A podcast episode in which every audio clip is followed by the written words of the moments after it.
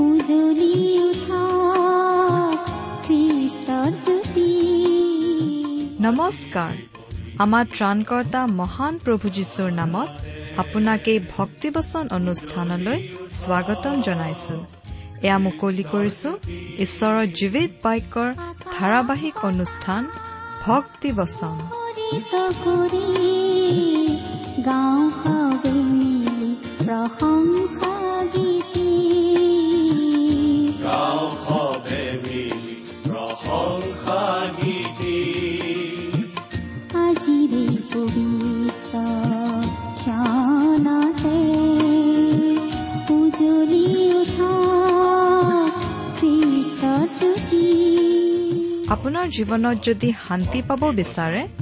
তেন্তে এয়া ঈশ্বৰৰ বাক্যৰ সান্তনা বাক্য ভক্তি বচন।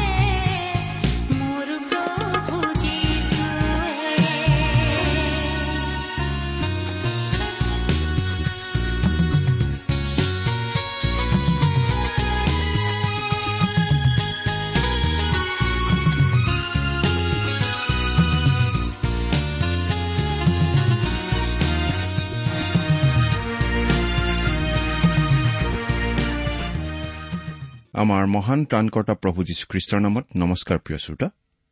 আশা কৰো আপুনি আমাৰ মহান পিতা পৰমেশ্বৰৰ মহান অনুগ্ৰহত ভালে কুশলে আছে।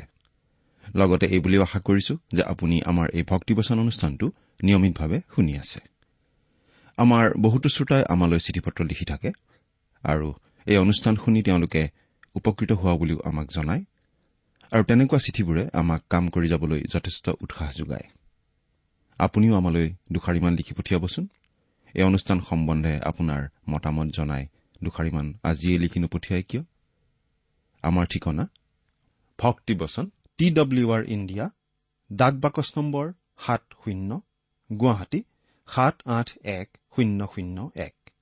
Bhaktibachan T W R India postbox number seventy Guwahati seven eight one zero' zero' one. আমাৰ website W W W dot radio' eight eight two dot com আহকচোন আজিৰ বাইবেল অধ্যয়ন আৰম্ভ কৰাৰ আগতে কণ্টেক্ট প্ৰাৰ্থনা কৰো।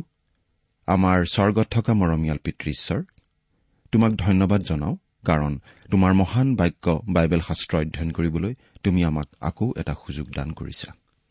তোমাক শতকোটিবাৰ ধন্যবাদ জনাওঁ কাৰণ তুমি তোমাৰ একেজাত পুত্ৰ যীশুখ্ৰীষ্টৰ জৰিয়তে আমালৈ অনন্ত জীৱনৰ আশীৰ্বাদ বিনামূল্যে আগবঢ়াইছা। এতিয়া তোমাৰ বাক্য অধ্যয়ন কৰিবলৈ ওলাইছো। তোমাৰ বাক্য তুমিয়েই আমাক বুজাই দিয়া। আমাৰ মৰমৰ শ্ৰোতাসকলক উপচি পৰাকৈ আশীৰ্বাদ কৰা। তেওঁলোকৰ সকলো প্ৰয়োজনৰ কথা তুমিহে ভালদৰে জানা আৰু সেই সকলো তুমিয়েই পূৰণ কৰা। কিয়নো এই প্ৰাৰ্থনা আমাৰ মহান ত্ৰাণকৰ্তা প্ৰভু যীশুখ্ৰীষ্টৰ নামত আগবঢ়াইছো। আমেন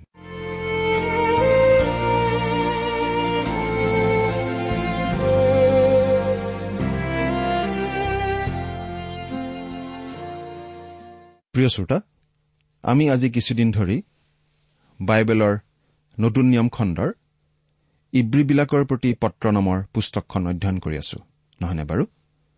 যোৱা অনুষ্ঠানত আমি এই ইব্ৰী পুস্তকখনৰ ন নম্বৰ অধ্যায়ৰ সাতাইছ নম্বৰ পদলৈকে আমাৰ আলোচনা আগবঢ়াইছিলো।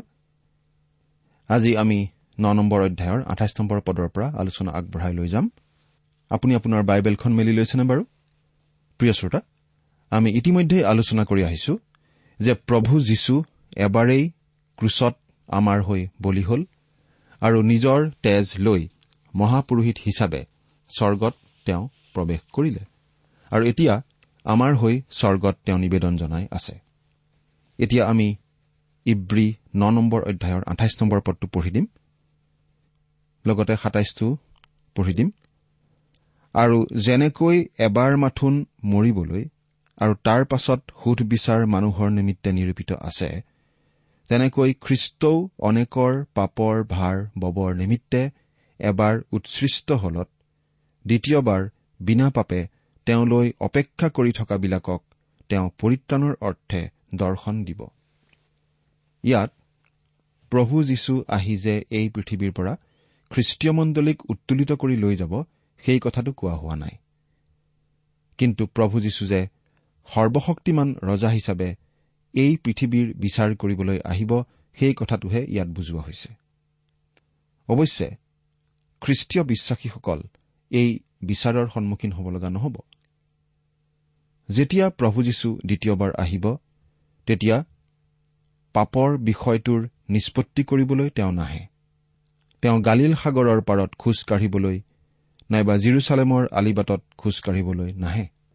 তেওঁ যে মানুহৰ হকে নিজকে ক্ৰুচত বলি দিলে সেই বিষয়েনো মানুহে কি কৰে সেইটোও চাবলৈ নাহে। কিন্তু তেওঁ আহিব মানুহৰ সোধ বিচাৰ কৰিবলৈ। গতিকে আজি আমি অতি পোনপটীয়াভাৱে কথাটো ক'ব পাৰোঁ এই বুলি। আমাৰ পাপৰ বাবে মাত্ৰ দুটা ঠাই থাকিব পাৰে। সেই পাপ হয়তো আমাৰ নিজৰ গাতে থাকিব পাৰে। নহলে সেই পাপৰ বোজা আমি খ্ৰীষ্টত দি দিব পাৰোঁ। কোনো মানুহে যদি খ্ৰীষ্টই দিয়া বলিদান গ্ৰহণ কৰা নাই যদিহে খ্ৰীষ্টক নিজৰ মুক্তিদাতা হিচাপে গ্ৰহণ কৰা নাই যদিহে তেওঁৰ প্ৰভুত্ব মানি লোৱা নাই তেনেহলে সেই মানুহৰ ভৱিষ্যতত আন একো নাই। আছে কেৱল বগা সিংহাসনত বহি খ্ৰীষ্টই কৰা সোধ বিচাৰৰ সেই ভৱিষ্যতৰ কথাটো। সেই সোধ বিচাৰৰ সন্মুখীন হোৱা কোনো লোকেই পৰিত্ৰাণ নাপায়। কিন্তু সকলোকে একোটা সুবিধা দিয়া হ'ব নিজৰ সপক্ষে যুক্তি দিবলৈ। আৰু সকলো সময়তে যে ঈশ্বৰেই ন্যায়সংগত কাম কৰি আহিছে সেইটো প্ৰমাণ কৰিবলৈ। এই কথাটো আমি আকৌ এবাৰ দোহাৰিব খুজিছো যে ঈশ্বৰে কেতিয়াও ভুল নকৰে। তেওঁ সদায় শুদ্ধ। গতিকে যদিহে আজি আমাৰ পাপ আমাতেই আছে সেই পাপ আঁতৰ কৰিবলৈ একমাত্ৰ এটাই ব্যৱস্থা আছে। খ্ৰীষ্টই ক্ৰুচত নিজকে বলি হিচাপে আগবঢ়োৱা কথাটো বিশ্বাস কৰাৰ দ্বাৰা আৰু সেই কথা বিশ্বাস কৰি তেওঁতেই পাপৰ বোজা সঁপি দিয়া পাপৰ ক্ষমা লাভ কৰাৰ দ্বাৰা। প্ৰভু যীশু যেতিয়া আকৌ আহিব। তেতিয়া বিনা পাপে পৰিত্ৰাণৰ অৰ্থে তেওঁ আহিব। অৰ্থাৎ তেতিয়া তেওঁ পৰিত্ৰাণ সম্পূৰ্ণ কৰিব। আমাৰ পৰিত্ৰাণ আচলতে তিনিটা পৰ্যায়ত হয়। তিনিটা কালত অতীত বৰ্তমান আৰু ভৱিষ্যত। মই পৰিত্ৰাণ পালো। মই পৰিত্ৰাণ পাই আছো আৰু মই পৰিত্ৰাণ পাম। প্ৰথম জোহন তিনি নম্বৰ অধ্যায়ৰ দুই নম্বৰ পদত আমি এই বুলি পঢ়িবলৈ পাওঁ হে প্ৰিয়বিলাক এতিয়া আমি ঈশ্বৰৰ সন্তান আছো কিন্তু পাছত কি হ'ম সেয়ে এতিয়ালৈকে প্ৰকাশিত হোৱা নাই। তেওঁ প্ৰকাশিত হলে আমি তেওঁৰ নিচিনা হ'ম ইয়াকে জানো। কিয়নো তেওঁ যেনেকুৱা আছে তেওঁক তেনেকুৱাই দেখিম। সেইটো নিশ্চয় অতি অভিনৱ দিন হ'ব। সেইটো মোৰ বাবে অতি ডাঙৰ দিন হ'ব। গতিকে আমি আচলতে কাৰো বিষয়ে আশা এৰি দিব নালাগে। কাৰণ ঈশ্বৰে আমাক এৰি নিদিয়ে আমাক হেৰাই যাবলৈ নিদিয়ে। এগৰাকী মহিলাই এবাৰ সাক্ষ্য দিওঁতে এই বুলি কৈছিল। বেছিভাগ খ্ৰীষ্টিয়ানেই আচলতে তেওঁলোকৰ পিঠিত এই বুলি লিখি থব লাগে। ঈশ্বৰৰ অনুগ্ৰহই মোতকৈ ভাল মানুহ গঢ়িব পাৰে। নাই প্ৰিয় শ্ৰোতা আচলতে প্ৰতিজন খ্ৰীষ্টীয় বিশ্বাসীৰ পিঠিতেই সেই বুলি লিখি ল'ব লাগে। আচলতে কোনো খ্ৰীষ্টীয় বিশ্বাসীৰ ক্ষেত্ৰতেই ঈশ্বৰৰ কাম সম্পূৰ্ণ হোৱা নাই। তেওঁ আমাৰ জীৱনত কাম কৰিয়েই আছে। তাৰ বাবে ঈশ্বৰক ধন্যবাদ। তেওঁ দ্বিতীয়বাৰ আহিব বিনা পাপে। আমাৰ পৰিত্ৰাণৰ অৰ্থে তেওঁ দৰ্শন দিব। তেওঁ আমাক উদ্ধাৰ কৰিব। কিন্তু যিসকলে তেওঁক বিশ্বাস নকৰে সেইসকলৰ বিচাৰ কৰিবলৈ তেওঁ আহিব। এতিয়া আমি দহ নম্বৰ অধ্যায়লৈ আগবাঢ়ো। আৰু আচলতে ইয়াতো একেটা বিষয়ৰ কথাই কৈ থকা হৈছে। পাঠ কৰি দিম দহ নম্বৰ অধ্যায়ৰ এক নম্বৰ পদ। কিয়নো বিধান ভাবি মংগলৰ ছায়াবিশিষ্ট হৈ সেইবোৰ বিষয়ত প্ৰকৃত মূৰ্তি বিশিষ্ট নোহোৱাত একে প্ৰকাৰৰ যিবোৰ বাৰ্ষিক বলিদান পুৰোহিতসকলে সদায় উৎসৰ্গ কৰে সেইবোৰৰ দ্বাৰাই সেই সকলোবোৰে চাপি যোৱাবিলাকক কেতিয়াও সিদ্ধ কৰিব নোৱাৰে। ন নম্বৰ অধ্যায়ত আমাক এই কথাটো কোৱা হৈছিল যে খ্ৰীষ্টৰ প্ৰথম আগমনত তেওঁৰ যি ক্ৰুচীয় মৃত্যু হৈছিল তাৰ যোগেদি যদি আমি পৰিত্ৰাণ লাভ নকৰো তেনেহলে আমাৰ মৃত্যুৰ পাছত আমাৰ বাবে থাকিব কেৱল সোধ বিচাৰ আৰু দণ্ড। প্ৰিয় শ্ৰোতা যি লোকে যীশুখ্ৰীষ্টক পৰিত্ৰতা হিচাপে প্ৰত্যাখ্যান কৰে সেই লোকৰ মৃত্যুত শোক কৰাৰ বাহিৰে আন একো কথা নাথাকিব। খ্ৰীষ্টক গ্ৰহণ কৰি পৰিত্ৰাণ লাভ কৰিবলৈ সিদ্ধান্ত নোলোৱা মানুহৰ মৃত্যুত আত্মীয় স্বজনে কেৱল সুখহে কৰিব পাৰে। কাৰণ মৃত্যুৰ পাছত তেনে লোকৰ বাবে আছে কেৱল সুধ বিচাৰ। কিন্তু খ্ৰীষ্টক পৰিত্ৰতা বুলি গ্ৰহণ কৰা লোকসকলৰ আশা আছে। কিয়নো বিধান ভাবি মংগলৰ ছায়া বিশিষ্ট হৈ সেইবোৰ বিষয়ত প্ৰকৃত মূৰ্তি বিশিষ্ট নোহোৱাত মুচিৰ বিধানৰ এটা উপকাৰিতা এয়ে আছিল যে ই আছিল ইছৰাইলীয় লোকসকলক শিকাবৰ বাবে এটা বিশেষ ছায়া মাথোন যিহেতু ঈশ্বৰে ইছৰাইল জাতিক ইমান ভালদৰে শিকাইছিল গতিকে তেওঁলোকক ঈশ্বৰে কঠোৰ দণ্ডও দিছিল। এই পৃথিৱীত থাকোঁতে প্ৰভু যীশুৱে এই বুলি কৈছিল হে ভাৱবাদীসকলক বধ কৰোতা আৰু তোমালৈ পঠোৱাবিলাকক শিল দলিয়াই মাৰোতা জিৰচালেম। জিৰচালেম। কুকুৰাই যেনেকৈ নিজৰ পোৱালীবোৰক ডেউকাৰ তলত চপাই লয় তেনেকৈ ময়ো তোমাৰ সন্তানবিলাকক কিমানবাৰ চপাবলৈ ইচ্ছা কৰিলো কিন্তু তোমালোক সন্মত নহলা। লোকে লিখা শুভবাৰ্তা তেৰ নম্বৰ অধ্যায়ৰ চৌত্ৰিশ নম্বৰ পদ।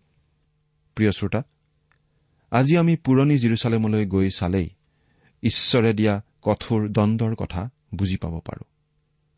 এসময়ত আমাৰ প্ৰভু যীশু খোজকঢ়া ঠাইবোৰ আজি ধ্বংসস্তূপ যেন হৈ আছে। কিয় বাৰু? কাৰণ সেই জিৰচালেম নগৰলৈ ঈশ্বৰৰ দণ্ড নামি আহিছিল।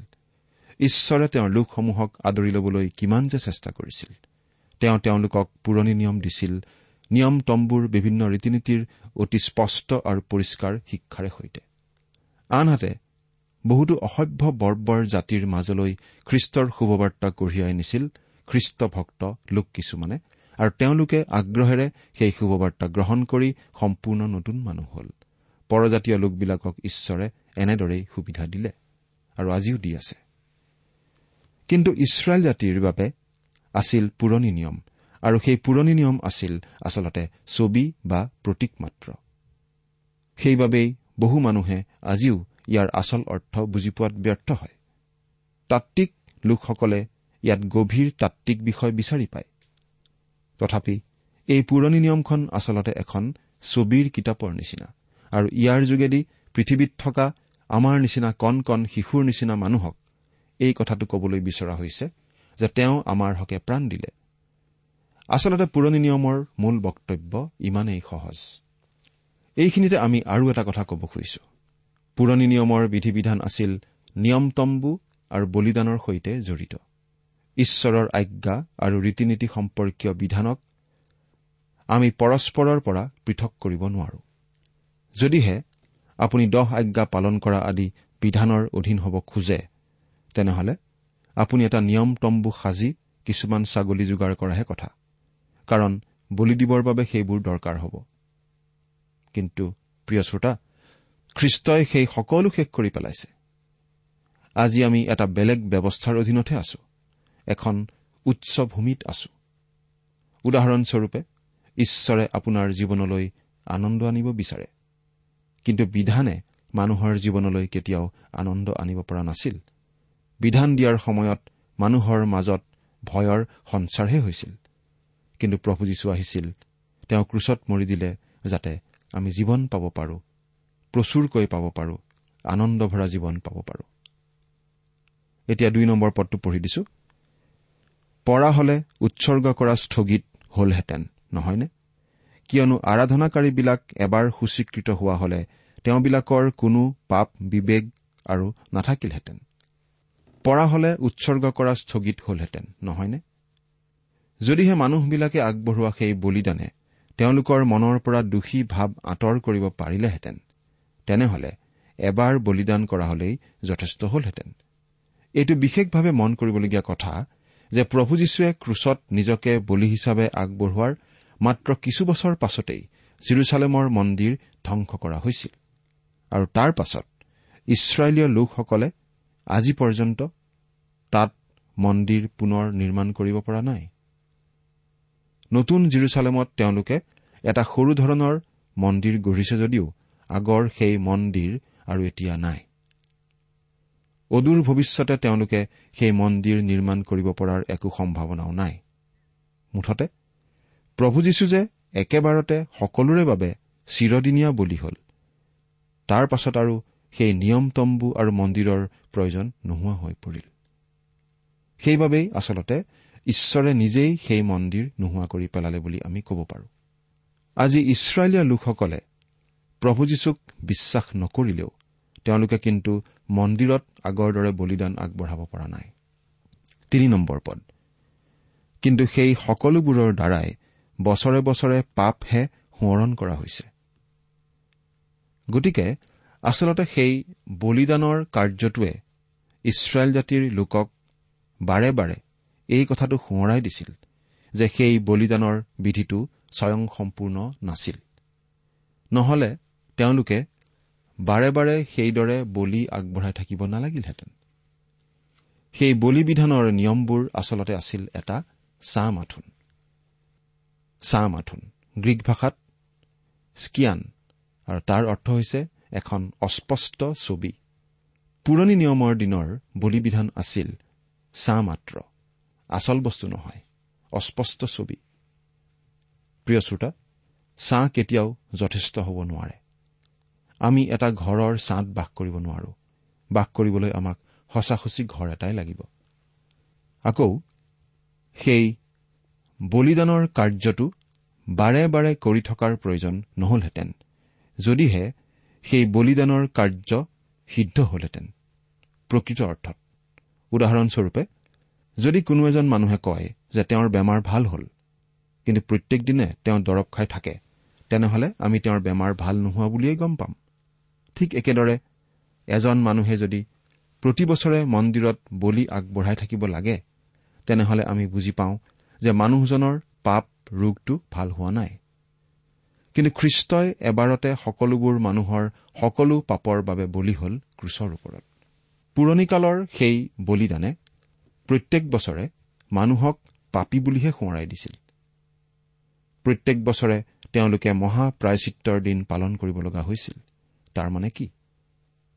তাৰ উত্তৰ আচলতে মানুহে পোৱা নাছিল যেতিয়ালৈকে গলগথাত প্ৰভু যীশুৱে কৈ উঠিছিল টেটেলেষ্টাই অৰ্থাৎ সিদ্ধ হল। প্ৰিয় শ্ৰোতা তেতিয়াহে সেই সকলো সিদ্ধ হল। তাৰ পাছৰ বছৰত আৰু সেই মহাপ্ৰায়চিত্ৰৰ দিনটো পালন কৰাৰ আৰু প্ৰয়োজন নোহোৱা হল।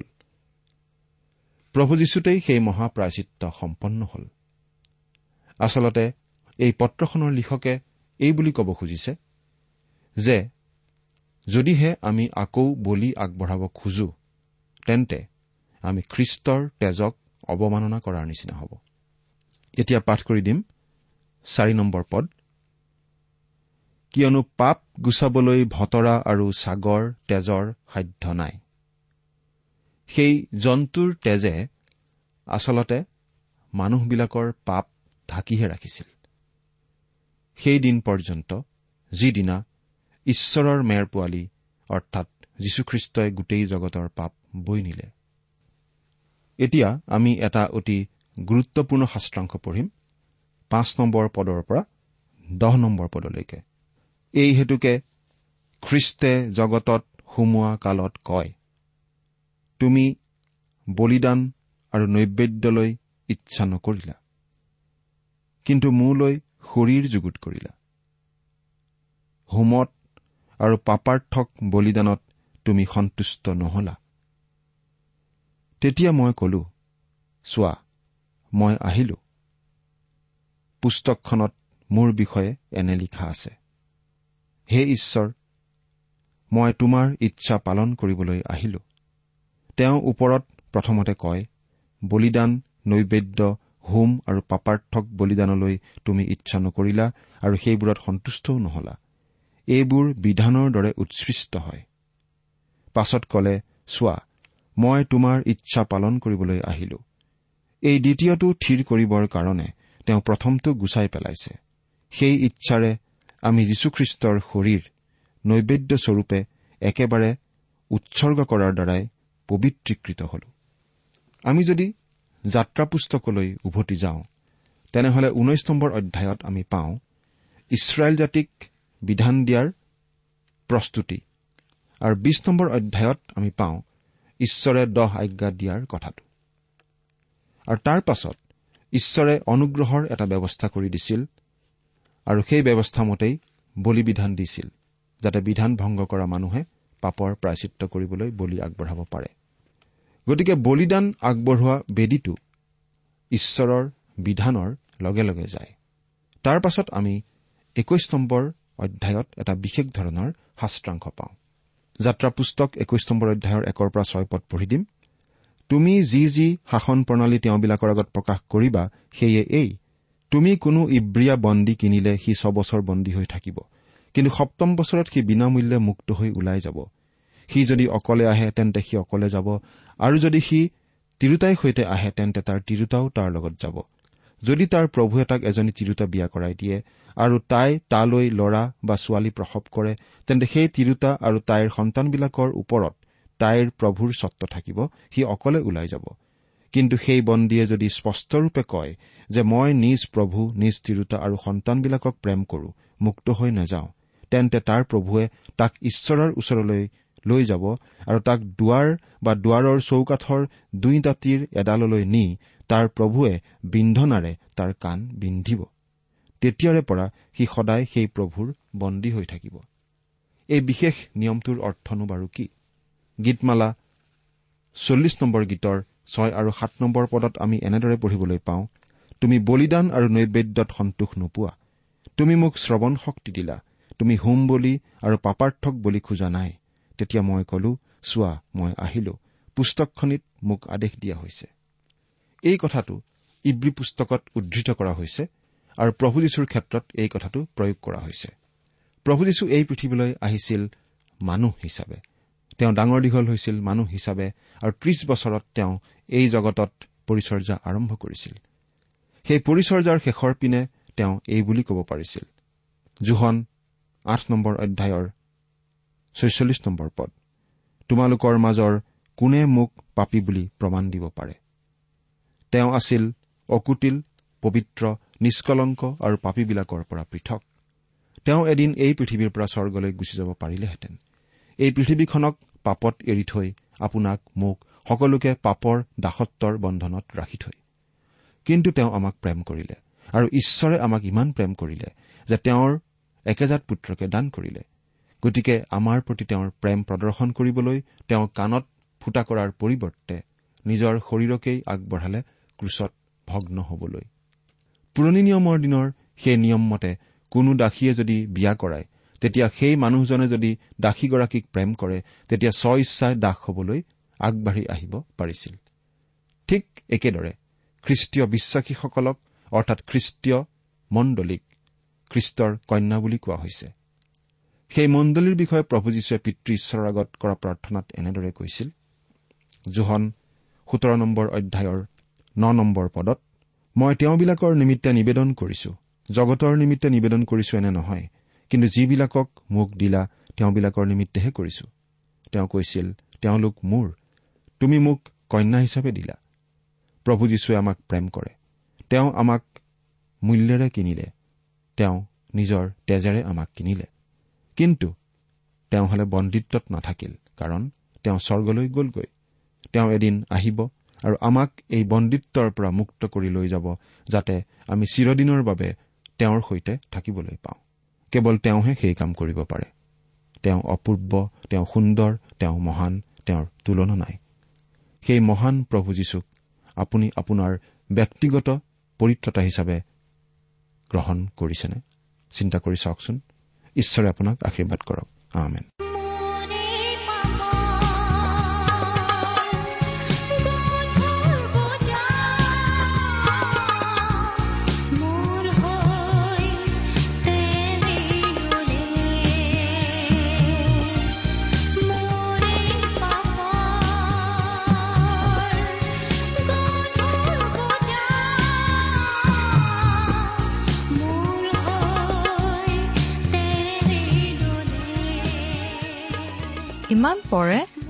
ভক্তিবচন অনুষ্ঠানটি শুনিলে। অনুষ্ঠানটি শুনি কেনে পালে? আমালৈ চিঠি লিখি জনাবচোন। অনুষ্ঠানত প্ৰচাৰ কৰা কোনো কথা বুজিব লগা থাকিলেও আমালৈ লিখক। আমাৰ ঠিকনা ভক্তিবচন টি ডাব্লিউ আৰ ইণ্ডিয়া ডাক বাকচ নম্বৰ সাত শূন্য গুৱাহাটী সাত আঠ এক শূন্য শূন্য এক। ঠিকনাটো আৰু এবাৰ কৈছো ভক্তিবচন টি ডাব্লিউ আৰ ইণ্ডিয়া ডাক বাকচ নম্বৰ সাত শূন্য গুৱাহাটী সাত আঠ এক শূন্য শূন্য এক। আপুনি ইমেইল যোগেৰেও আমাৰ সৈতে যোগাযোগ কৰিব পাৰে। আমাৰ ইমেইল আইডিটো হৈছে Assamese T TV at radio' eight eight two dot com. আইডিটো আকৌ এবাৰ কৈছো। Assamese T TV at radio' eight eight two dot com. আপুনি টেলিফোনৰ মাধ্যমেৰেও আমাক যোগাযোগ কৰিব পাৰে। আমাৰ টেলিফোন নম্বৰটো হৈছে শূন্য তিনি ছয় এক দুই ছয় শূন্য চাৰি ছয় সাত এক। ফোন নম্বৰটো আকৌ এবাৰ কৈছো zero' three six one two six zero' four six seven one. আজিৰ অনুষ্ঠানটি ইমানতেই সামৰিছো। ঈশ্বৰৰ শান্তি আৰু অনুগ্ৰহ আপোনাৰ লগত থাকক। ধন্যবাদ।